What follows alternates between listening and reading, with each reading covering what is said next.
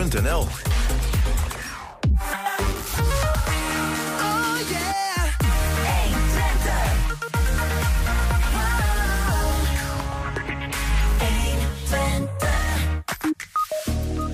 Een AZC, Joods roofgoed en ontwikkelingen in het buitengebied. De Enschedeze gemeenteraad kwam gisteren samen. We blikken terug. Het zal u niet ontgaan zijn. Sint-Nicolaas is jarig en daarom bracht hij ook een bezoekje aan de kidsclub van FC Twente. Hoe dat eruit zag, zie je dit uur. Ziekenhuisgroep Twente, oftewel ZGT, bestaat 25 jaar. We bespreken de geboorte van, uh, de geboorte van en het opgroeien uh, van die ZGT... met oud-bestuurder Lex Hilbers en huidig bestuurder Hilde Dijstelbloem. En Ton Ouwehand sluit de, af, uh, de uitzending af. Hij heeft mij verteld dat hij aan de haal gaat met Sinterklaasgedichten. Uh, het zou mooi zijn. Tom en Sinterklaasgedichten, hartstikke mooi. Het is dinsdag 5, 5 december, natuurlijk, dat is wat het is. dit is 120 vandaag. 120. 120 vandaag. Ja, het is vaste prik. Eén keer in de maand gemeenteraadsvergadering. Dus in het hele land zo. Dus ook hier in Enschede. En wij blikken dan eigenlijk altijd eventjes terug. Dat doen we nu ook. Um, dat doen we samen met uh, Wilco Lauwers. En uh, ik was collega. Gisteren, ja, precies. Het is een beetje, want ik zat daar gisteren. Uh, dus Wilco en ik loods je even door die gemeenteraadsvergadering heen. Het was een volle agenda, maar ook een vlot, Wilco. Je hebt het een beetje aan je keukentafel gezien. Ja, ja je moest nog voor alles opruimen thuis. Dus ik denk van, aangezien we zo'n goede tandem zijn, Ernst... jij staat mooi in het gemeentehuis en ik kom vanuit huis. Zijn, die, die, die, die perstribune is ook te klein. Ja, dat is ook zo. En dan zit je dus helemaal in zo'n hoekje een beetje weggedrukt op een gegeven moment. Ja, ja dat is ook niet alles, hè. Hey, um, jij hebt je vooral uh, gericht op, op het AZC. Dat was het eerste agendapunt. Was ook niet zonder reden dat het het eerste agendapunt was. Nee, want het uh, was redelijk vol, hè, begreep ik. Of nou ja, er waren nog best wel mensen die in de burgerzaal uh, kwamen kijken. Hè. Daar werd het ook uitgezonden. Precies. Omwonenden gaat het dan vooral om. Die hebben vorige week ingesproken. Nou, ja, hebben ook dat was een hele club, hè, vorige week. Was, ja, er waren zo'n 30 mensen ongeveer die inspraken. Nou, voornamelijk bezorgde buurtbewoners. Uh, en die, wilden, uh, uh, ja, die maken zich zorgen over de veiligheid in hun buurt, s'avonds. Sommigen durven de hond niet uit te laten, hebben de slapeloze nachten van. dat er een AZC komt. Er zijn ook wat andere zorgen over verkeersveiligheid, onder andere. Ja, daar, daar ging het vorige week onder andere over. Nou ja, dat was een inspraakavond. En nu konden dus gemeenteraadsleden gisteravond wensen en bedenkingen geven. Want ja, dat het vaststond dat het AZC er zou komen. Dat was eigenlijk al zo. De locatiecursus was het het handen gegeven aan het college. Maar ja, um, um, Hidde Hutting heeft nog geprobeerd nog één keer gestaveld om het van tafel te krijgen. Voor de PVV, hè? Ja. voor de helderheid. Oh, sorry, ja, ja ik, ik ga, maak altijd al, maak alweer de tweede stap. De PVV heeft gisteravond geprobeerd om het nog van tafel te krijgen. Maar ja, goed, diezelfde gemeenteraad heeft ook toestemming gegeven uh, voor, aan het college om zelf een locatie te bepalen en alleen wensen en bedenkingen te mogen geven. Dus dat, ja, nou goed. Dat was een onhaalbare motie, maar dat is uh, denk ik Hidde vooraf ook wel. Ja, natuurlijk.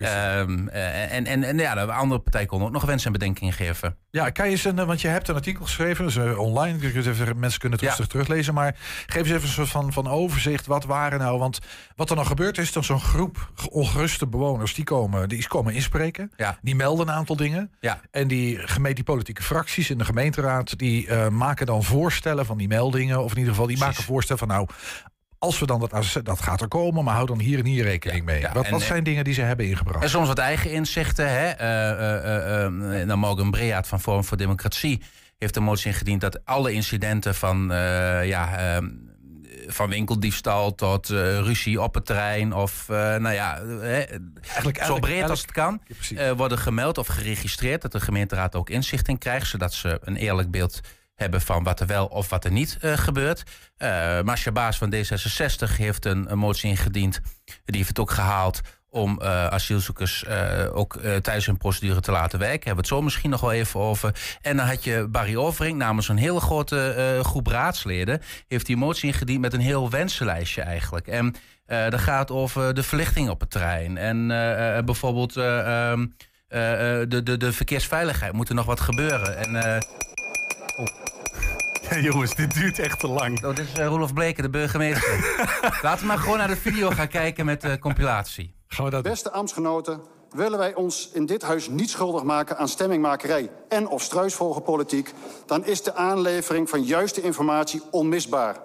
Laten we niet onszelf, maar wel onze functie als raadslid serieus nemen... en daarmee ook de wens en zorgen van de inwoners van onze stad. De opdracht in de motie luidt... draagt het college op 1 het raadspresidium actief te informeren over het aantal en type incidenten die plaatsvinden in en rondom een asielopvangcentrum. Dus met name dus ook de input die is gegeven vanuit uh, Stadsdeel West. We hebben daar ook goed geluisterd naar de inwoners. En als we zien wat nou voor ons ligt, uh, willen we dit uh, graag indienen. Uh, burgerbelangen zet eerst de veiligheid van onze inwoners op het spel... om dan nu in een motie te gaan vragen om aandacht voor de veiligheid. Besef, besef burgerbelangen zich dat? Voorzitter, volgens mij moet de PVV niet zo'n karikatuur hiervan maken. Ja, voorzitter, ik zit hier geen karikatuur te maken. Ik stel burgerbelangen een legitieme vraag. Namelijk dat op initiatief van burgerbelangen komt er nu een AZC. Daarvoor zitten er heel veel mensen beneden in de zaal... die zich zorgen maken over de veiligheid. Dat komt dankzij het initiatief van burgerbelangen. En nu zeggen ze in een motie... ja, maar u moet toch nog een beetje rekening houden met de veiligheid. Ja, voorzitter, als je elke keer maar blijft roepen tot het onveilig is... en tot het gevaarlijk is, tot het allemaal verschrikkelijk is... dan gaat dat beeld dan inderdaad leven. En daar is maar één iemand verantwoordelijk voor. één partij hier verantwoordelijk voor. En dat is de PVV. Wij vinden dat het van belang is voor iedereen in onze stad... Uh, dat de asielzoekers in het AZC zo snel mogelijk kunnen integreren. En dat uh, werk, betaald of niet betaald, een goede manier is om die integratie te stimuleren. Um, en dat wanneer statushouders als asielzoeker al ervaring hebben opgedaan binnen de Enschedese arbeidsmarkt, ze waarschijnlijk sneller als statushouder ook zullen doorstromen in werk en minder snel in een uitkeringssituatie uh, terecht zullen komen. We kunnen, deze, we kunnen ermee instemmen. Uh, Wij zijn ook uh, blij met de uitspraak van de Raad van uh, State. En wat ik ook al eerder in de eerdere vergadering aangaf... hebben we de intentie om dit zo snel mogelijk uit te gaan zoeken. En kijken hoe we op basis van de goede voorbeelden in het land dit ook in Enschede uh, kunnen gaan, uh, gaan invoeren. Dat kan ik zeggen. Het IND-vraagstuk hebben we het net over uh, gehad. Daar zijn we over in gesprek. Met het UWV zijn we hierover in gesprek. Op het moment dat iemand hier niet mag blijven... en een deel van de mensen mag niet blijven... Dat het feit dat diegene dan al werkt en sociale recht heeft opgebouwd... en een BSN-nummer heeft en noem maar op... dat dat het risico dus groter maakt dat diegene dan vervolgens niet wil worden uitgezet... Uh, vanwege dat wat hij allemaal heeft opgebouwd? Dat is het eerste, de eerste vraag. Eén uh, ding moet op voorhand heel duidelijk zijn. Als iemand eruit moet, moet hij eruit. Ik bedoel, daar kan ik heel klip en klaar over zijn. Los van het feit of iemand nu al wel een paar maanden aan het werk geweest is of niet. Als dat, die uitspraak komt, u mag niet blijven... dan moet iemand ook gewoon terug. Dus daar kan ik duidelijk over zijn. Nou ja, een, uh, een aardig debat. En ik, ik zie dat zelfs de invloed van de raadzaal al tot hier reikt. Dat wij tot de orde worden geroepen, de Roelof Bleek. Ja. Dat gekke worden. Ja. ja. Nee, maar om het lijstje heel kort af te maken. Het gaat onder meer over de veiligheid uh, uh, rondom de locatie. en, en vooral over dat er goede verlichting is. Ik heb begrepen dat ergens een donker steegje is... al bijvoorbeeld verlichting wordt geplaatst... als een uitkomst van de inloopavond voor bewoners. Maar dat, dat gaat meer in de veiligheid algemeen. Maar nu het AZC daar komt... wordt dit soort dingen worden dan aangegrepen. Ehm, de verkeerssituatie rondom aan de Parkweg... nou ja, het is een heel smalle stoep. Daar moeten straks nou ja, best wel wat mensen overheen lopen... als ze naar de winkel willen of naar de stad. nou, dat kan ook onveilig worden met het fietspad ernaast... en dan die drukke weg. Dus daar willen ze naar kijken... En, en alle kosten bijvoorbeeld moeten, die, die noodzakelijke infrastructurele kosten komen dan, moet, zouden dan op rekening van, ehm, van COA moeten komen, van Centraal Orgaan Opvang Asielzoekers. Dat zijn onder andere wat dingen. Moet, moeten zij dat dan verplicht ook op zich nemen? Of kunnen ze ook zeggen, want er wordt gezegd, ja, het COA moet daarvoor betalen. Hoe zit dat? Nee, dat is een interessante vraag, omdat uh, daar, daar is ook discussie over. Hè. Wanneer is het uh, is 50 meter van het uh, terrein af? Is dat dan nog een, is dat dan een algemene maatregel die je neemt? Of is dat uh, heeft het te maken met het AZC? Is dat met 100 meter? Is dat met uh, 300 meter? Uh, wat is de grens? Wat... Ja, dat lijkt me dat, ja. er, dat er een grens moet liggen, ook voor het COA. En niet zeggen van ja, we moeten een kilometer verderop moeten wij iets aan de stoep doen, terwijl dat helemaal niet ons pakje Jan is. Ja, nou, daar zijn geen harde afspraken over gemaakt. Daar gaat het college mee in gesprek met COA. En, en volgens de wethouder, wethouder Kampman, is het COA heel welwillend. Want het, het schijnbaar, hè, ik, dat heb ik ook vanuit de vergadering van gisteren gehoord, is er bij de noodopvang bij het vliegveld is er ergens een pad, zal een fietspad of een voetpad zijn. Uh, waar ook over een, een langere uh, um, afstand, hè, een paar honderd meter sowieso, misschien een kilometer had hij het ook over, um, dat daar ook verlichting is aangebracht. Dat, dat, dat is door het COA betaald. Dus ja, die schijnen daar uh, welwillend tegenover te staan. Maar er zijn geen harde afspraken over. Dus het is ook een beetje goodwill van twee kanten. Wat ze niet gaan doen, is dan de hele herstructurering van de parkweg. Als er nieuwe riolering in moet, dat ze dat dan die rekening ook naar het COA sturen. Zover gaan ze niet. Nee, dus zo- zolang het binnen de redelijkheid is eh, en de wethouder heeft daar vertrouwen in, zei hij. Kijk, formeel is het zo dat alles wat binnen ehm, de, de grenzen, binnen, binnen, ja, binnen de grenzen van het AZC, dat, dat is voor rekening van het COA. Ja, dat alles wat sowieso. daarbuiten is, is in principe voor de gemeente, maar daar, nou ja, daar wordt dus overleg over gevoerd. Ja. Toch? Dat is eh, waar het Ja, op neerkomt. nee, klopt, klopt. Ernst, eh, ik, ik, ik weet het, de- de- jullie hebben beide het allemaal gevolgd. Eh. Gisteren, jij was daar fysiek aanwezig. Is, eh, ik, ik heb vernomen dat door. De, ik zag een artikel voorbij komen. 120.nl kun je alles nalezen. over belangrijke onderwerpen. over deze raadsvergadering. Daarin ging het over het Joods eh, roofgoed. Kun, je mij daar wat meer over vertellen? Wat, wat, wat, wat is dat precies? Joods roofgoed, dat is zijn eigenlijk zeg maar, bezittingen van, van Joden die in die periode 40-45 zijn gedeporteerd, weggevoerd eh, en vaak niet teruggekomen. Eh, maar soms, en dan hebben ze soms nog wel nabestaanden bijvoorbeeld, soms ook wel zijn teruggekomen, maar dan eh, zagen dat hun huis of hun spullen verdwenen waren. Eh, nou, dat is, dat is een, een, een ding dat maatschap, politi- ja, politiek maatschappelijk, maar ook zeker maatschappelijk de laatste nou, tien jaar in Nederland of zo, is dat echt, staat het wel op de agenda. Van, is, is, is- is dat gecompenseerd? Zijn die spullen teruggehaald? Wat voor rol hebben gemeenten daar bijvoorbeeld in gespeeld in die periode? Nou, Enschede gaat een onderzoek doen om dat uit te pluizen. Daar komt het op neer. En dan gaan ze onderzoeken wat er ver- ver- verdwenen is in de oorlog. En, en hoe ze dat dan uiteindelijk de, bij de nabestaanden daar een compensatie voor kunnen krijgen. Het is een vrij breed onderzoek om eigenlijk te kijken wat de rol van de gemeente Enschede is geweest in zowel de jodenvervolging en alles wat daar rondomheen gebeurd is. Je zou kunnen zeggen het faciliteren van die vervolging wel of niet. En ook hoe daarna de gemeente is omgegaan met eh, verloren goederen van Joden. Joden die terugkwamen bijvoorbeeld, die een huis nodig hadden of nou ja, dat, dat soort dingen. En, en dan is de vraag van, is de gemeente daar nou heel formalistisch mee omgegaan? Of zijn ze juist heel ruimhartig geweest? Hoe is dat eigenlijk gegaan in die periode? En, eh, en, wat, en ja, dat zal ongetwijfeld wel iets opleveren voor wat vandaag de dag ook nog. Want, want hoe, hoe, hoe moet je zo'n zo'n onderzoek aanpakken dan? Hoe, hoe eh, moet een gemeenteraad een onafhankelijk eh, instituut daarvoor in, in werking stellen om, om dat voor elkaar te krijgen? Of? Ja, er is gewoon geld eh, uitgetrokken, bijna vier ton ongeveer. En het Nederlands Instituut voor Oorlogs- en Holocaust en Genocides, eh, Genocidestudies, een speciaal instituut. Die krijgen de opdracht om dat onderzoek te doen. En de bedoeling is dat een eh, emeritus, dus een, een, een, een zeg maar professor in aanloop, in opleiding, iemand die zijn master moet gaan afronden, dat hij dat, die dat gaat doen als, als, ehm, als onderdeel van zijn, van zijn Ja, zo'n dingetje, hè? want in Amsterdam is het dus is met dat eh, roofgoed... eh, hebben ze echt miljoenen verdiend, notarissen daar. Hè? Dus die, die, eh, toen de Joden werden gedeporteerd, die raakten dus hun, hun vastgoed kwijt. En daarna is dat via notarissen dan allemaal met dikke, winst, dikke winst verkocht. Ja, er is natuurlijk heel veel misgegaan. En voor een deel zal dat nooit opgehelderd worden, omdat gewoon die mensen verdwenen zijn. En Ja, die zijn er niet dat. meer. Er is maar wel hun nabestaanden. En, eh, ja. Soms wel, maar Ja, ook niet, niet altijd, altijd, nee, dat klopt. Ehm, en het is een breed onderzoek. Dus ze gaan niet alleen naar de jaren 40, 45 kijken. Maar ja, want dat, dat wil ik wel vragen. Ja. Is, is het alleen over de Joden in die periode? Of wat, wat, wat voor is het ook over de zigeuners die, die, die oud eh, goud kwijt zijn geraakt? Of, Eigenlijk al het roofgoed van de vervolgde bevolkingsgroepen. Mensen die om, om vanwege hun afkomst of om hun geloof of wat dan ook... eh, in die periode eh, zijn afgevoerd en weggevoerd. En vaak natuurlijk ook gewoon vermoord. En in, in welk tijdskader moet, moet een gemeente hiermee bezig? Is het nu een project wat voor de aankomende vijf jaar gaat lopen? Of? Ja, ze zullen nu die opdracht moeten verstrekken. Wanneer dit precies moet gaan beginnen is niet helder. Dan zal er ook nog een promovendus gezocht moeten worden die dit wil gaan doen. Maar ja, goed, je mag aannemen dat het ergens in de loop van volgend jaar wel gaat starten. Ja. En dan kijken ze ook naar de jaren 30, de aanloop zeg maar naar die bezettingsjaren. En, en de periode na die bezettingsjaren, toen eigenlijk al die vluchtelingen die ontheemden terugkwamen. Eh, nou, dat is een, heeft een periode van een, van een aantal jaren wel geduurd voordat die mensen allemaal weer zo'n beetje thuis waren. Ehm, dus die hele periode, daar wordt naar gekeken. Nog een onderwerp wat aangesneden werd gisteren, Ernst, was het, eh, het buitengebied. De ontwikkelingen daarin, het, het bouwen in het buitengebied. Wat werd daar, daaronder werd, werd daar besproken, bediscussieerd? Nou, de, de, de, de aanleiding is eh, een, een plan dat Zorgboerderij de Rukker, een aantal mensen kent dat wel, dat is eigenlijk op een heel mooi plekje op die Lonnekeberg.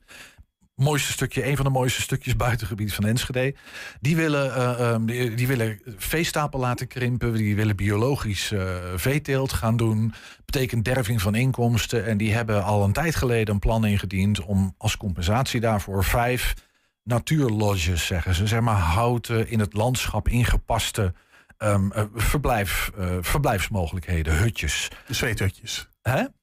een soort van zweethutjes. Ja, maar dan waar je, waar, je, waar je lekker kan slapen. Gewoon echt voor recreatief gebruik waar ze inkomsten dan uit kunnen halen. Ehm, nou, dat plan eh, dat lag voor aan de gemeenteraad. Want eigenlijk mag dat niet. Het, het buitengebied is een beetje, we gaan niet bouwen. Tenzij, dan moet daar een hele speciale reden voor zijn. Maar dan moet het bestemmingsplan omgegooid. Dus dat is altijd dan een raadsbeslissing. Nou, dat lag gisteren voor. Lagen daar ook bezwaren dan tegen? Uh, het, het, is een ingewikkeld participatieproces geweest. Er zijn een aantal dingen behoorlijk misgegaan. Uiteindelijk is dat wel redelijk gelijnd. Er zijn partijen weer met elkaar in gesprek. Maar dat ligt gevoelig. Um, en dat ligt ook gevoelig politiek. Want eigenlijk, en D66 gaat Jan Tillema, uh, die, die diende een motie in. Eigenlijk niet zozeer over dit specifieke plan. Want dat zag er wel naar uit dat dat er door zou gaan uh, komen. Maar meer van ja, maar als we continu dit soort uitzonderingen gaan toestaan. dan krijg je op een gegeven moment dat het buitengebied toch volgebouwd gaat worden. Uitzondering op uitzondering op uitzondering. Dat is een beetje zijn zorg. En hij zegt, we hebben afspraken gemaakt. Er mag niet meer gebouwd worden in het buitengebied. Tenzij, en er mag eigenlijk geen steen meer bij. Dus als je zegt, we gaan hier bouwen... dan moet er daar wat afgebroken worden of zo. Hè. Het buitengebied moet ongeveer blijven zoals het is. Daar moeten we niet te veel mee rommelen. Nou, daar was een heel gedoe over. Dan zie je ook in die gemeenteraad van... ja, maar je moet toch ontwikkelingen kunnen doen in het buitengebied. Anders zet je de hele boel op slot. Dat kan niet de bedoeling zijn. En tegelijkertijd, ja, maar wij willen van het college weten... dat als jij hier toestemming gaat geven... wat ga je dan op een andere plek doen om dat weer te compenseren? Nou, dat was een beetje de discussie. En daar is... Nou ja, volgens een aantal partijen is daar toch wat onvoldoende um, duidelijkheid over. En die vrezen dat op den duur, niet onmiddellijk, hè, maar op de lange termijn nou ja, dat het buitengebied op een gegeven moment te veel versteend is en dat we het een beetje kwijt zijn.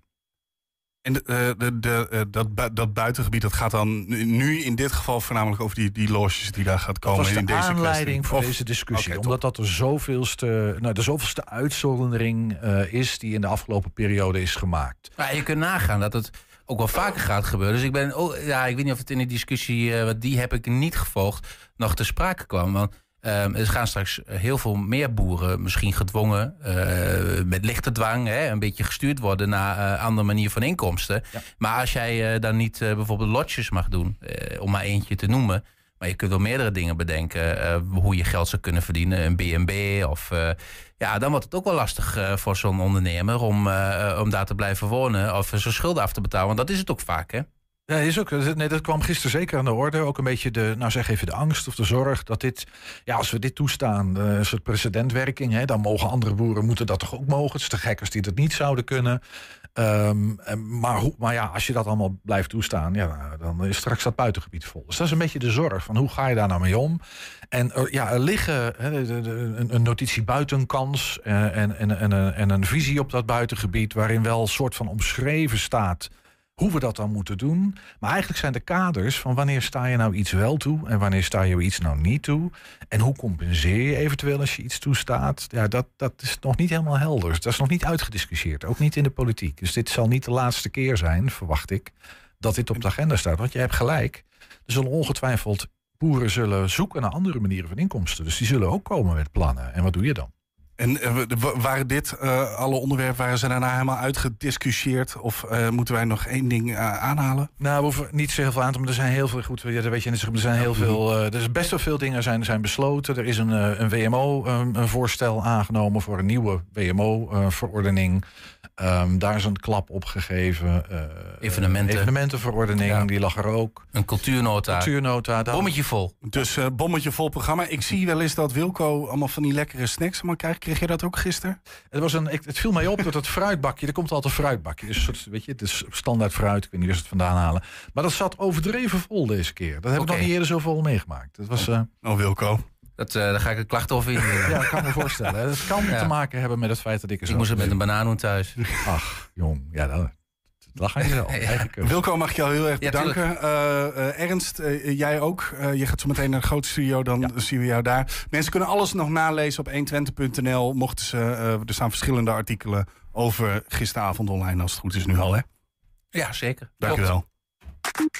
Heb je een tip voor de redactie? Mail dat dan eventjes naar redactie.120.nl. Een ziekenhuisgroep Twente, moet ik wel even goed zeggen. Hè? Oftewel ZGT bestaat 25 jaar. Zometeen bespreken we de geboorte uh, en het opgroeien van dat ZGT... met oud-bestuurder Lex Hilbers en huidig bestuurder Hilde Dijstelbloem. 120. 120. Dan moet ik het wel goed doen. 120 vandaag. 120. 120 vandaag. Ja, Sinterklaas en zijn Pieten zetten bijna weer koers naar Spanje. Maar natuurlijk niet voordat ze een bezoekje aan de Grolsvest hebben gebracht. Traditiegetrouw verblijden ze de leden van de kidsclub van FC Twente met hun komst. En daarbij worden ze geassisteerd door een aantal spelers. Wat mij betreft eh, staat FC Twente bovenaan. Dat is altijd het eerste waar we de afspraak maken. Wij gaan bij jullie komen. En dat houden we zo de komende jaren.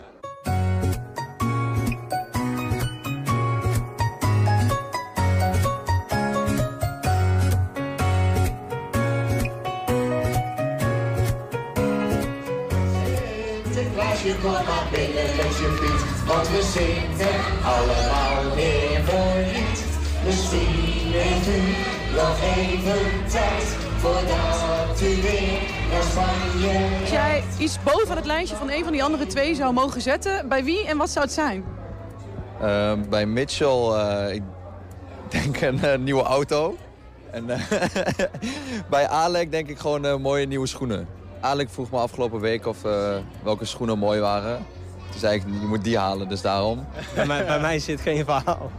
Je vindt gewoon zijn auto niet mooi. Nee, hij heeft een mooie auto, maar hij is een beetje autogek, daarom. Toch? Twente, Twente, Twente, Twente, Twente, Twente. Hoe was het vanmiddag? Gezellig chaotisch. Maar de kinderen hebben ontzettend goed hun best gedaan. Met het liedjes zingen, met het spelletje. We gaan een liedje inzetten en als die stopt, dan zingen de jongens allemaal door. Ja? Dat gaan we doen. Nou, DJ Piet, kom er maar in. Boot uit Spanje weer aan. Hij brengt ons Sint-Nicolaas, ik zie hem al staan. Vol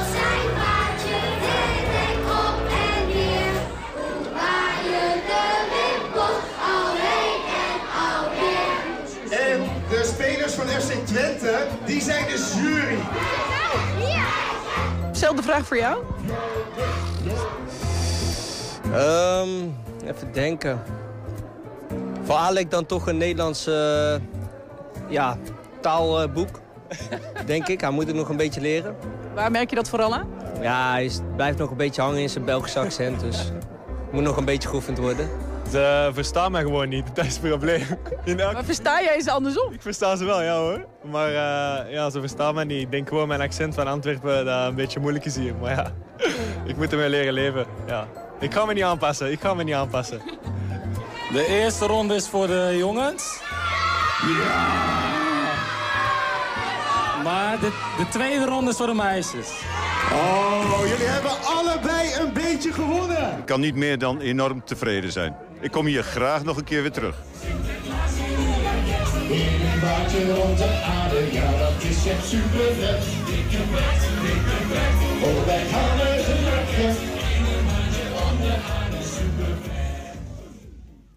Ziekenhuisgroep Twente, ZGT, eh, hier in de regio is bekend, bestaat 25 jaar, een kwart eeuw. In 1998, zo lang geleden is het alweer, eh, fuseerden de ziekenhuizen Streekziekenhuis Midden-Twente in Hengelo en Twenteborg in Almelo tot Ziekenhuisgroep Twente. We blikken hier aan tafel eh, terug met eh, aan mijn linkerkant voor de kijkers eh, rechts Lex Hilbers, oud en begeleider de fusie en oud bestuursvoorzitter van ZGT Twente. En met de huidige bestuursvoorzitter Hilde Dijsselbloem. Welkom beiden. Leuk dat jullie er zijn. Nou, gefeliciteerd, kwart eeuw. Dankjewel. Ja. En heel even, want jij, jij bent sinds kort, Hilde, sinds eh, nog niet zo heel lang bestuursvoorzitter. Vier en een half jaar. Ja, vier en een half jaar. Dat is ook al wel weer een hele tijd voor bestuurder. Minus een periode corona, begreep ik. Eh, nou, nee hoor. Ik was ook eh, bestuursvoorzitter in coronatijd. Ik ben in maar jij hebt zelf 2019 corona begonnen. Ik, nee, nee. nee ja, dat, dat was de collega uit het Enschede. Ik denk uit de gemeente zelfs. Ja, maar dat kan. Nee, gelukkig, Ja. dus 4,5 jaar. En eh, jij, jij bent het geweest in de periode nou ja, van de fusie, zeg maar, Eh, 25 eh, jaar geleden. Ja, klopt. Ja, ja. En hoe lang... Ik was eh, in 1990 eh, begonnen in eh, Hengelo, in het streekziekenhuis Midden-Twente. En eh, in 1997 eh, zijn de eerste gesprekken begonnen over de fusie met het Twenteborg ziekenhuis Ja. in Almelo. En de, de fusie afgerond. Ja, en de fusie is afgerond Daarna in eh, vermoeid 1998. eh, of begonnen, zou je kunnen zeggen. De voorbereidingen zijn afgerond in 1998. En, eh, en de ZGT is begonnen in eh, 1998. En hoe lang ben jij bestuursvoorzitter van dat, eh, van dat streekziekenhuis nog geweest? Van, van ZGT? Van ZGT nog zes jaar. Ja, ook nog nog zes Ja, ja. We blikken zo meteen terug. Maar ik was even benieuwd, want we, hebben, we zitten hier met twee, nou ja, een, een oud en een huidig eh, eh, zorghoofd aan tafel, zeg maar. Hoe gaat het in ziekenhuisland? Hoe gaat het met ZGT? Ik, ik refereerde even aan corona, wachtlijsten. We horen daar nou niks meer over, althans niet zoveel. Ik kan me toch voorstellen dat alle effecten daarvan nog niet helemaal eh, verdwenen zijn. Of valt dat? Nou, ik zou zeggen dat we wel weer eh, terug zijn zoals we er ook voor stonden in 2019. Eh, het ziekenhuis staat er goed voor. Eh, we hebben zeker wachtlijsten en die zijn soms heel specifiek voor bepaalde vakgebieden of bepaalde aandoeningen. Maar dat was voor die tijd ook zo. Maar dat was voor die tijd ook zo. Dus dat is niet anders dan eerder. En nou ja, we, we zijn echt wel weer bezig met de toekomst. Mooie plannen aan het maken voor de gebouwen in Hengelo en Almelo. Hengelo hebben we de afgelopen jaren al vernieuwd. Almelo willen we eh, langzaam maar zeker deel voor deel ook gaan vernieuwen. Dus dat zijn mooie toekomstperspectieven. Daar gaan we zo meteen nog wel even over hebben. Ja, en dat maakt het ook mogelijk om eh, op de toekomst voorbereid te zijn qua zorg.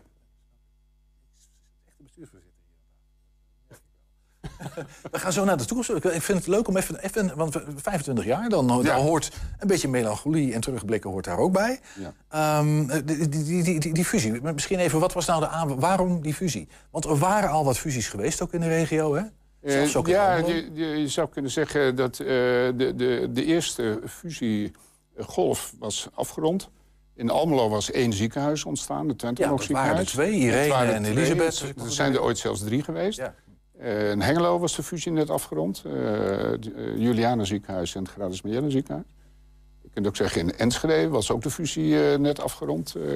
Was het Medisch Spectrum. Was We hadden net een rondje gehad en, We hadden net een rondje gehad. Oldenzaal was toegevoegd aan het Medisch Spectrum.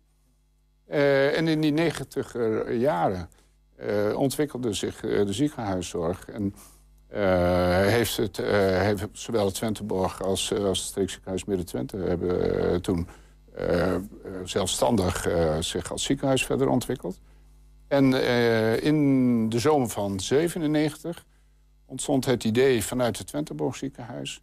Mede eh, omdat eh, vanuit de overheid eh, het druk weer uitgeoefend werd op ziekenhuizen. De, het aantal bedden moest verkleind worden. omlaag. Kosten het op neer dan af. Kosten moeten Nou, ja, daar komt het eigenlijk, eigenlijk altijd wel op neer. Uiteindelijk komt het daar ook wel op neer dat kosten omlaag moeten. Maar het gaat in de ziekenhuis juist om de kwaliteit van zorg gepeild te houden. En daar zit altijd het dilemma. Aan de ene kant kosten en aan de andere kant de kwaliteit van zorg. En om dat in stand te houden, zijn toen die ge- gesprekken ge- gestart eh, tussen het Twenteborg ziekenhuis en het streekziekenhuis Midden-Twente. En zijn we gezamenlijk op dat moment tot de conclusie gekomen dat het een goede stap zou zijn om tot eh, één ziekenhuisorganisatie te komen. Op En, en dat goede in die stap, dat was dan gerelateerd aan nou ja, politieke dingen die in Den Haag zich afspeelden en eventueel Nou, om, om, ontwikkelingen. Wat, wat, was het goede strategisch om, het, eh, om, om, je, om, het, om beter weerstand te kunnen bieden tot, eh, eh, eh, ten opzichte van de druk die is ontstond op ziekenhuizen. En dan heb de je kwaliteit politieke van- druk, of nou, heb ik, ook druk? op, heb ik het op, op, op de, de druk op kwaliteit. Hm. Omdat kwaliteitseisen eh, werden steeds versterkt. Er moest een, een verschuiving komen van zorg, van, van meer klinische behandelingen naar dagbehandelingen en polyklinische behandelingen. De, de capaciteit moest eh, verminderd worden. Tegelijkertijd was het zo dat binnen vakgroepen steeds meer deelspecialismen ontstonden.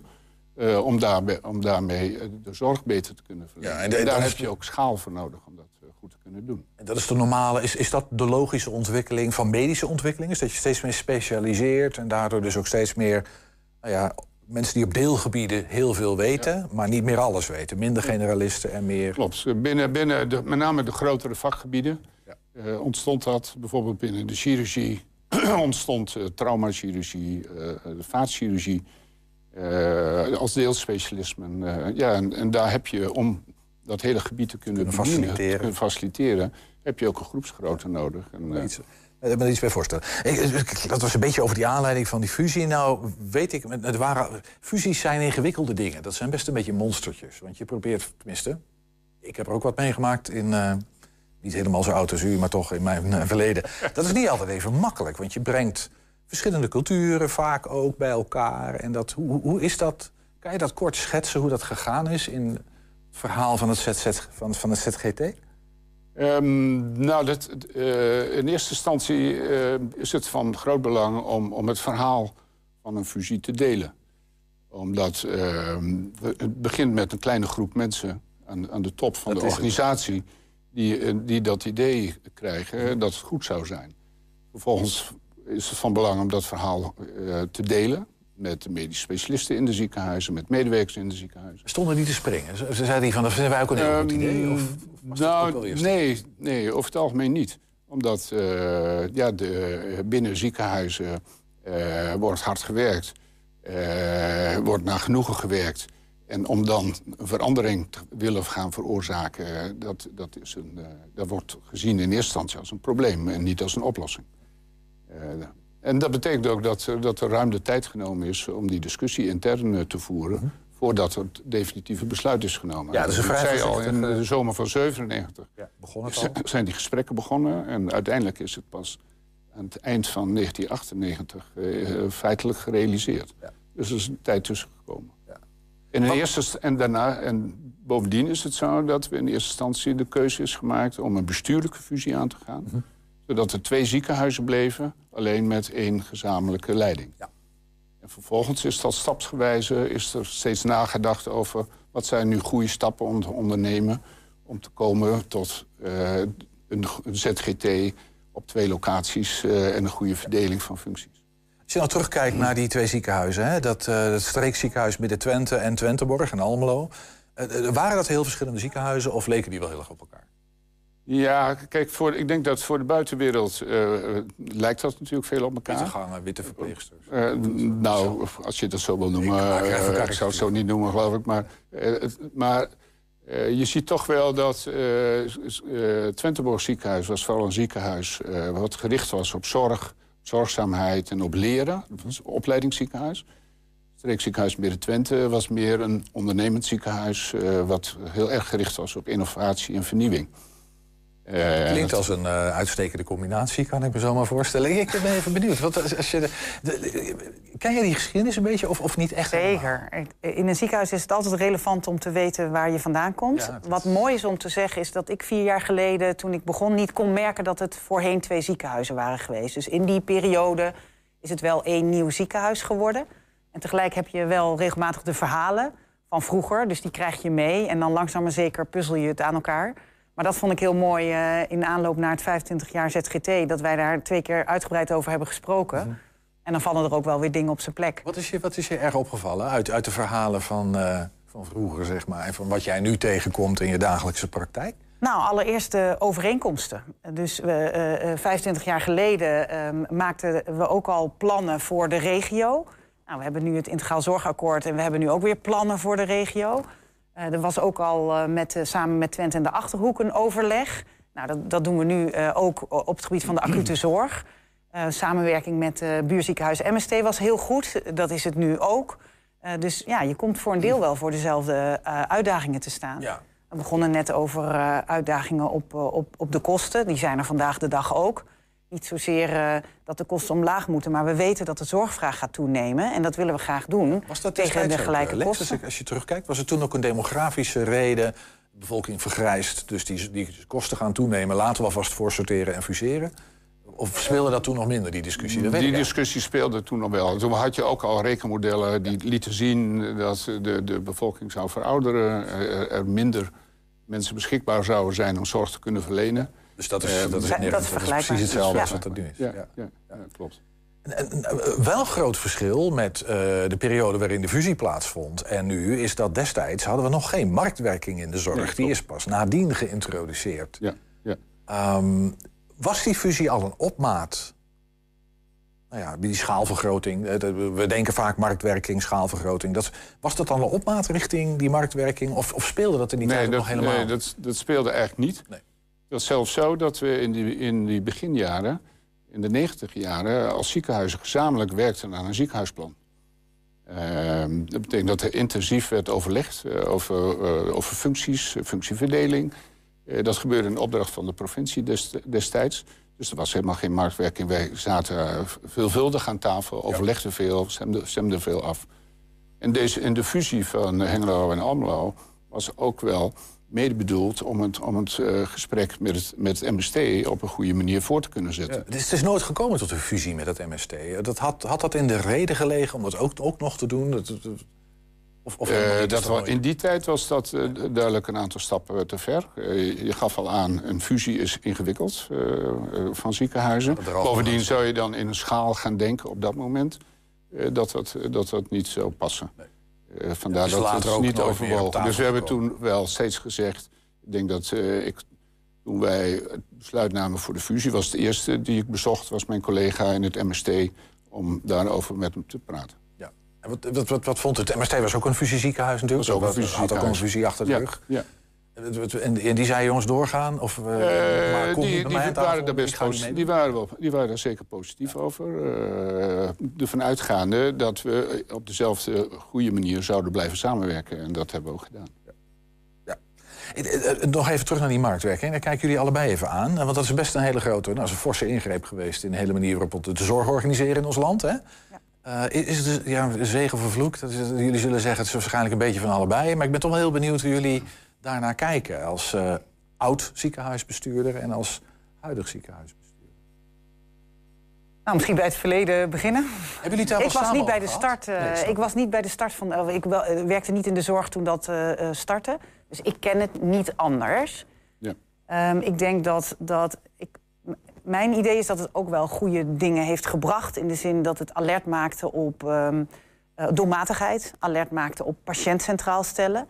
Ehm, van de andere kant denk ik dat Dat we je nu. meer als, als, als in klanten moest. Of zeg maar, Ja, je krijgt een andere manier van denken. vanuit- ja. dus ik denk dat dat wel heeft geholpen. Eh, ik denk dat we nu in een tijd leven met de uitdagingen, uitdagingen waar we voor staan... dat samenwerking heel erg belangrijk is. En voor een deel staat marktwerking die samenwerking wel in de weg. concurrenten van elkaar. Ja, dat voor, voor een deel wel. Maar gelukkig hebben we eh, vorig jaar het Integraal Zorgakkoord eh, met elkaar ondertekend. En met dat in de hand kunnen we wel maximaal die samenwerking opzoeken. En dan eh, is uiteindelijk de vorm wat minder belangrijk. Het gaat vooral om de inhoud. Ja, maar die spanning, waar hadden we het net ook al even over... tussen doelmatigheid, het toch dingen het zo goedkoop Mm. mogelijk doen. Het, is, het was per slot van rekening destijds zeker. Was het gemeenschapsgeld, dus daar moest je zuinig mee zijn. Rentmeesterschap. Ja. En tegelijkertijd zorgen dat je dan wel kwaliteitszorg kan blijven leveren. Eh, nou, die spanning is niet anders. Hè. Dat, dat, dat is een spanning die nog steeds bestaat. En Hebben we daar een... Ja, dat, ik wil bijna zeggen, hebben we daar een evenwicht? Heb- heb- hebben we dat in balans? Of is dat toch een voortdurende zoektocht om dat goed te doen? Nou, ik, ik, eh, ik denk dat de kwaliteit van de zorg in Nederland echt heel goed is. Dus ik denk dat het tegenwoordig de Als mensen klagen en zeggen het is minder geworden dan vroeger, hebben ze dan een punt? dat hoor je wel vaak. Nou ja, weet je wat ik daar last van heb? Het is natuurlijk altijd anders dan vroeger. Eh, maar de, eh, ja, Lex verwoordde dat net heel mooi. De kwaliteitsnormen zijn toegenomen en we voldoen daaraan. En als je dat vergelijkt in Europa of in de wereld... dan leveren wij in Nederland, alle ziekenhuizen in Nederland... kwalitatief echt heel goede zorg. Dus dat is op die manier wat minder een aandachtspunt. De uitdaging is wel de toenemende zorgvraag en de druk op de kosten. Dat is hetzelfde als, eh, als eerder.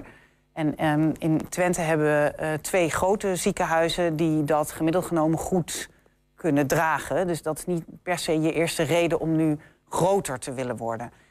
Wat Lex benoemde, eh, de, de specialisatie van, van vakgroepen is wel een reden om te zorgen dat je nou ja, alle dagen van de week die zorg goed kan blijven leveren. En dan is het wel fijn als je goed kan samenwerken om te zorgen dat alle inwoners van Twente eh, op het juiste moment de juiste zorg krijgen op de juiste plek. Dat is eigenlijk je belangrijkste uitgangspunt. Het is, het is overigens wel zo, de- om, om een voorbeeld te noemen... Waar, waar marktwerking eh, eh, slecht heeft uitgewerkt, naar mijn idee... dat was, want de eerste eh, eh, eh, zorgdiscipline die met marktwerking te maken had... was thuiszorg. Beide ziekenhuizen, zowel Twenteborg ziekenhuis als streekziekenhuis Midden-Twente... hadden hele goede verbindingen met de thuiszorg. Hadden zelfs een gemeenschappelijke organisatie opgezet... om de zorg tussen ziekenhuis en thuiszorg goed te organiseren. En dat werd op een gegeven moment verboden. Want dat mocht paste niet meer in de marktwerking. Want je moest alle thuiszorgorganisaties dezelfde kans geven.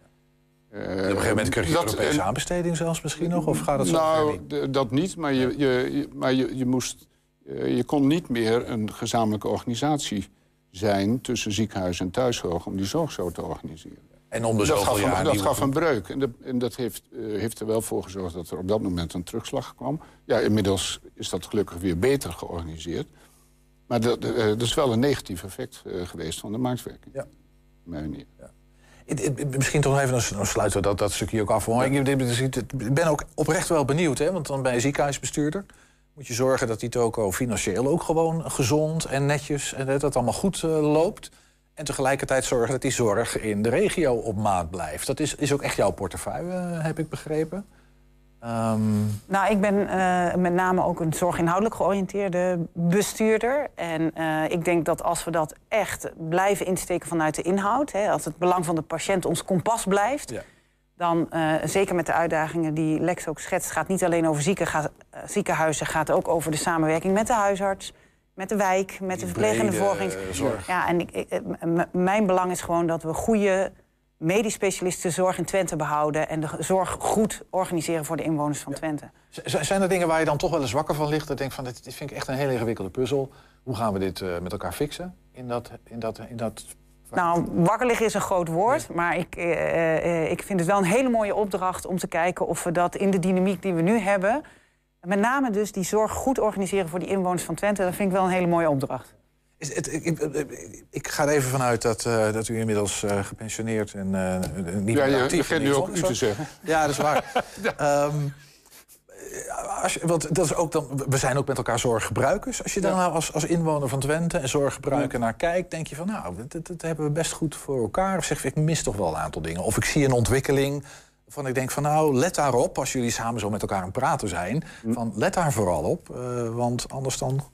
Nou, de de, in, in een van de gesprekken die we gehad hebben... heb ik ook eh, aan Hilde aangegeven... Ja, blijf zoeken naar goede oplossingen. En die liggen niet allemaal voor de hand. Het blijft ingewikkeld. Ik zit even te denken aan dat die Eh, fusies hebben wel geleid hè, tot eh, dat in het ene ziekenhuis, en dat zie je landelijk ook natuurlijk, daar gebeuren een aantal dingen wel die in een ander ziekenhuis niet gebeuren. Dus mensen kunnen, waar ze vroeger naar één ziekenhuis gingen, moeten ze nu ja, naar links of naar rechts of soms zelfs verder weg. Is, is dat iets dat, eh, volgens mij is heel veel zorg in Twente nog wel gewoon echt aanwezig. Hoef je niet eindeloos ver te rijden. Maar is dat een ontwikkeling die, waar een eind aan komt? Van, nou, ja, dat, dat blijft ook wel in Twente? Of, of is die het verdere specialiseren van ziekenhuizen... ehm, kan nou, heel, heel actueel op dit moment is, eh, is eh, de zorg voor de oncologie. Hè. Daar, daar komen eh naar alle waarschijnlijkheid normen aan qua volumina. Dat betekent dat je een bepaalde hoeveelheid zorg moet, eh, eh, moet, moet kunnen leveren om het te mogen behouden. Dat vind ik een heel belangrijk aandachtspunt voor de regio Twente. Dat, dat juist onze patiënten met een oncologische aandoening niet de regio uit hoeven om goede zorg te krijgen. En dat betekent dat het van belang is dat ZGT en MST daar samen goed in optrekken. Om te zorgen dat dat ofwel in beide ziekenhuizen of in het ene of het andere ziekenhuis behouden blijft voor de inwoners van Twente. Dus daar liggen wel uitdagingen. Ehm, ik denk dat, dat voor hele gespecialiseerde aandoeningen is het natuurlijk ook goed dat we dat bijvoorbeeld op een paar plekken in Nederland doen. Dat zijn ook actuele discussies hè, over de kinderhartchirurgie, dat soort zaken. Eh, maar voor, voor, eh, eh, het zou mijn wens zijn dat de inwoners van Twente voor zorg die toch met enige regelmaat voorkomt, nooit Twente uit hoeven. Dat zou ik Nou, mooi dat- vinden. ik, dat- ik zat een beetje Ja. op dat spoor. Ja, en dat kunnen wij als ZGT en MST samen goed organiseren voor de inwoners van Twente. Als we goed samenwerken. En dat is wat we doen. Ja, het, klinkt een klein beetje een noodzakelijke samenwerking... maar jullie houden ook wel een beetje van elkaar. Die samenwerking gaat ontzettend goed. En dan is het leuk om te vertellen dat veel vakgroepen, veel medisch specialisten werken al samen over die, over die twee ziekenhuizen heen. Dat, ziet, dat ziet de inwoner niet of de patiënt niet. In de zin van dat ze de, wel Het eens is één behandelen- vakgroep over de twee ziekenhuizen heen. Dus eh, er wordt heel veel uitgewisseld, heel veel samengewerkt. Het is eh, geen voorbereiding op een volgende fusie dan? Nou, op dit moment is een fusie is, is, is iets wat de, de, het systeem dat we hebben in Nederland niet zo makkelijk toestaat. Lex legde mij uit hoe dat 25 jaar geleden ging. Dan maakte je afspraken, schreef je een briefje en dan was het geregeld. Zo is het niet. Maar nogmaals, de vorm, de vorm is ondergeschikt. Hè? Als we dat goed samen doen en we, eh, en we doen dat eh, eh, met, met het belang van de inwoners van Twente voorop... dan, dan kunnen we hele mooie resultaten bereiken in het behouden van zorg voor de inwoners. We gaan het een beetje afronden. Ik, we, zitten al een beetje zo richting de toekomst. Hè? Ehm, dan kijk ik toch even vooral jou aan in dit geval. Ehm, misschien heb je het al een beetje gezegd hoor, maar, maar als jij kijkt naar de, de toekomst van die zorg in Twente. Wat zie jij dan aan de horizon en hoe ver, reikt die, hoe ver kijk je dan? Hoe, hoe ver wordt er gekeken in zorgland eigenlijk? überhaupt? 10 jaar, 5 jaar, 30 jaar? Nou, ik denk wel eh, eh, tien jaar vooruit. Zeker in ons eigen ziekenhuis, als je eh, plannen aan het maken bent om in Almelo het gebouw te vernieuwen, dan, moet je... zo ver vooruit kijken. Dat is ontzettend leuk, heel inspirerend om dan het ziekenhuis van de toekomst te ontwerpen. Wat zien we? Nou, Dan heb ik het niet per se over kijk, wat je, maar- wat je ziet is dat een, eh, eh, een, een, eh, zeg maar een hoogwaardig eh, OK-complex met, met, met, met diagnostische voorzieningen, een beddenhuis en een hele goede eerste hulp met acute zorgvoorzieningen. Ja, dat, dat zal altijd blijven bestaan. En hoe de zorg zich ontwikkelt wat betreft polyklinieken, zorg thuis, ehm, eh, andere organisaties die zorg bent, overnemen. thuis kunnen blijven. Ja, daar, daar wordt natuurlijk heel erg op ingezet. Ja, dat, dat is een plaatje wat in de komende tien jaar waarschijnlijk zal veranderen. Nou, we hebben een plan eh, ontwikkeld wat daar gefaseerd in mee kan. Dat is heel prettig, want het is niet van vandaag op morgen anders. Dus we he- hebben een modulair plan waarmee we in de tijd mee kunnen bewegen. En ik denk de grote uitdaging in de regio is om met elkaar... en ook vanuit de gemeente, het sociaal domein... maar met name ook met de inwoners zelf... eh, eh, te organiseren dat, dat die zorg thuis ook goed geregeld is. En dus, nou, voorbeeld, eh, vroeger lag je voor een blinde darmontsteking tien dagen in het ziekenhuis. Tegenwoordig ga je op dag twee naar huis. Dan ben je nog niet beter. Dus, dus zeg maar, jouw zorg thuis moet dan goed geregeld zijn. Maar dat geldt ook voor ouderen. Dat geldt ook voor de, de, de, de kwetsbare mensen in de samenleving. Dus we zullen met elkaar ook de gemeenschapskracht moeten organiseren.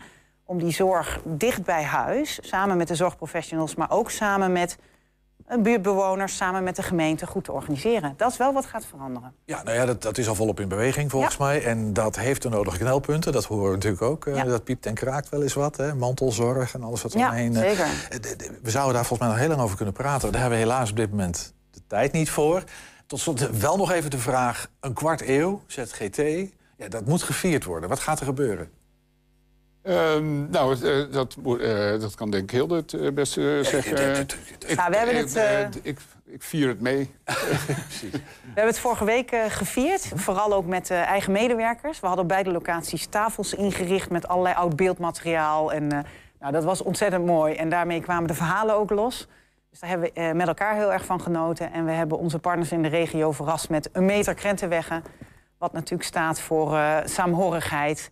En, De eh, samenwerking de hadden, ja. En die, eh, die zijn ook eh, heel warm ontvangen. En met name ook aan, bij onze samenwerkingspartners aan, aan de medewerkers, maar ook aan patiënten uitgedeeld. Dus dat was heel mooi om, om op zijn Twents het feestje van ZGT breder te vieren. Op naar de komende 25 jaar. Daar ligt de horizon nu eventjes. En dan verdubbelen we dat aantal. Heel benieuwd hoe het Twentse zorglandschap er dan bij ligt. Lex Hilbers en Hilda Dijsselbloem waren dat. Ex-bestuursvoorzitter van ZGT. En de huidige bestuursvoorzitter van ZGT. Dank jullie wel.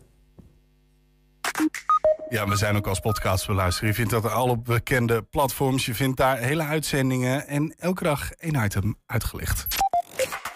120. 120 vandaag. Ja, en zoals je misschien op de achtergrond al kon zien, het is eh, 5 december vandaag. Ton, eh, ben, je, ben je een beetje een man van Sinterklaas? Eh, ja, in principe wel, maar vooral de gedichten.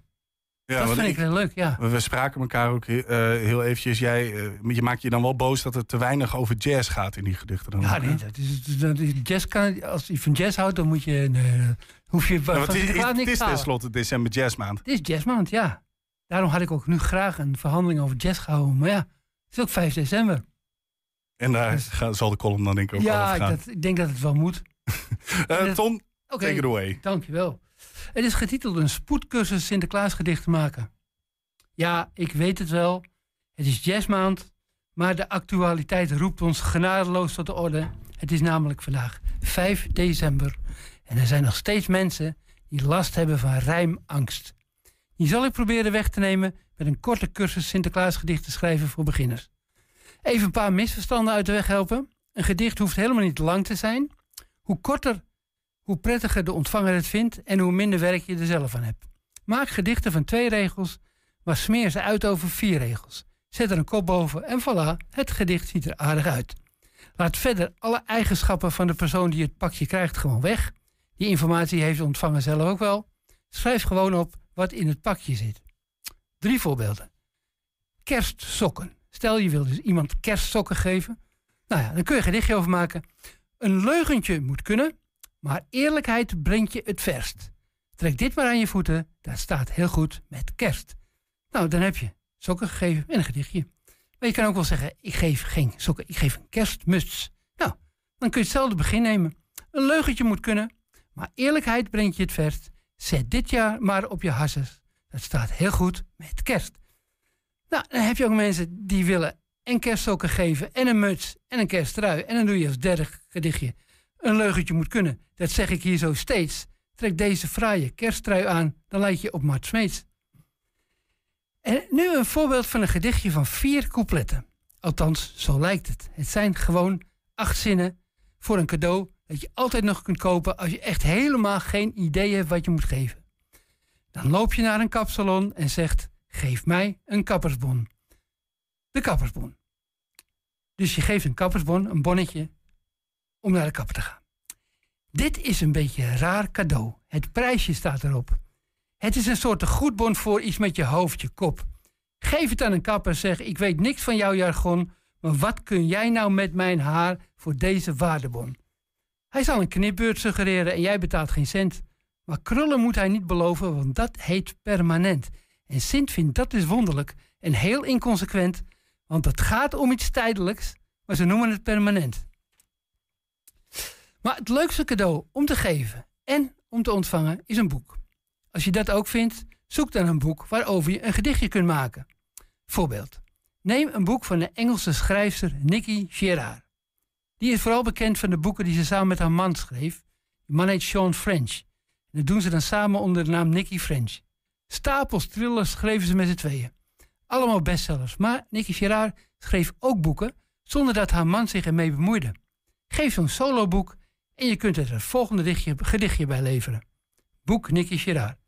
Het klinkt misschien een beetje raar, maar de kracht van een boek van Nicky Gerard is, zoals een van haar fans zei, er is geen woordje French bij. Nou, en dan kan het natuurlijk zijn dat de boekhandelaar waar je dit boek besteld hebt, niet op tijd aan een soloboek van Nicky Gerard kan helpen. Koop dan een van de altijd voorradige Nicky French thrillers en maak een ander gedichtje. Boek Nicky French. Dit is een boek van Nicky French. Dat was dus eigenlijk niet mijn wens, want het zoeken was dus naar een boek van Nicky, Nicky Gerard. Enfin, het is dus niet gelukt. Ik ga daar niet onder gebukt. Ik zou zeggen, zoek zelf een boek van Nicky en stuur mij dan maar een tikkie. Maar je kunt natuurlijk ook een boek van Harry Banning kopen. Dan kun je in het gedicht hebben over Swans bescheidenheid. Kijk, dit boek. En dan kun je het volgende gedichtje erbij zetten. Had je hem destijds gezegd, er wordt een straat naar u genoemd, had hij wat besmuit gelachen. Ik ben nu zo beroemd. Zei je dan vervolgens, na uw dood blijft u gekend? Zou hij over zijn werk zeggen, ach, amusement. En was je dan nog doorgegaan dat er een banning boek zou komen, voelde hij zich ongetwijfeld bij de Twentse neus genomen. Dan schoot hij in de weerstand. De ironie werd hem de baas. Een boek? Jawel, je grootje, vraag dat maar aan Sinterklaas. Maar ja, als je dat boek aan iemand cadeau wilt doen, dan zul je merken dat het uitverkocht is. Wat je echter nog wel kunt kopen, is dit boek.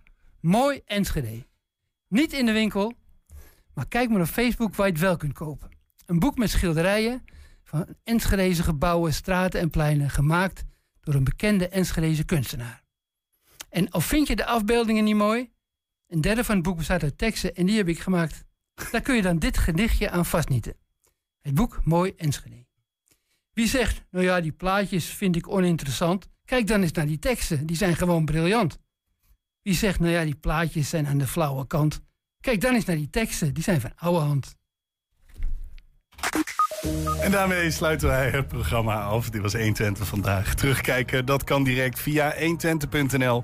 En vanavond om 8 en 10 op televisie te zien. Kunnen ze nog die boeken snel halen? Nee, het is te laat, denk ik. Deze kan je nog wel, volgens mij. Deze nog halen. En deze, ja, dat is eigenlijk zoeken. Ja, Of moet je moet hem uit je eigen boekenkast halen. Papiertje erom, gedichtje erbij, klaar. Kijk eens aan. Tot morgen. Thema beveiliging staat voor betrokkenheid, adequate optreden en betrouwbaarheid. Waar de concurrent stopt, gaat thema beveiliging net een stap verder. Thema beveiliging levert alle vormen van beveiliging voor zowel de zakelijke als de particuliere markt. Thema beveiliging, de beveiliging.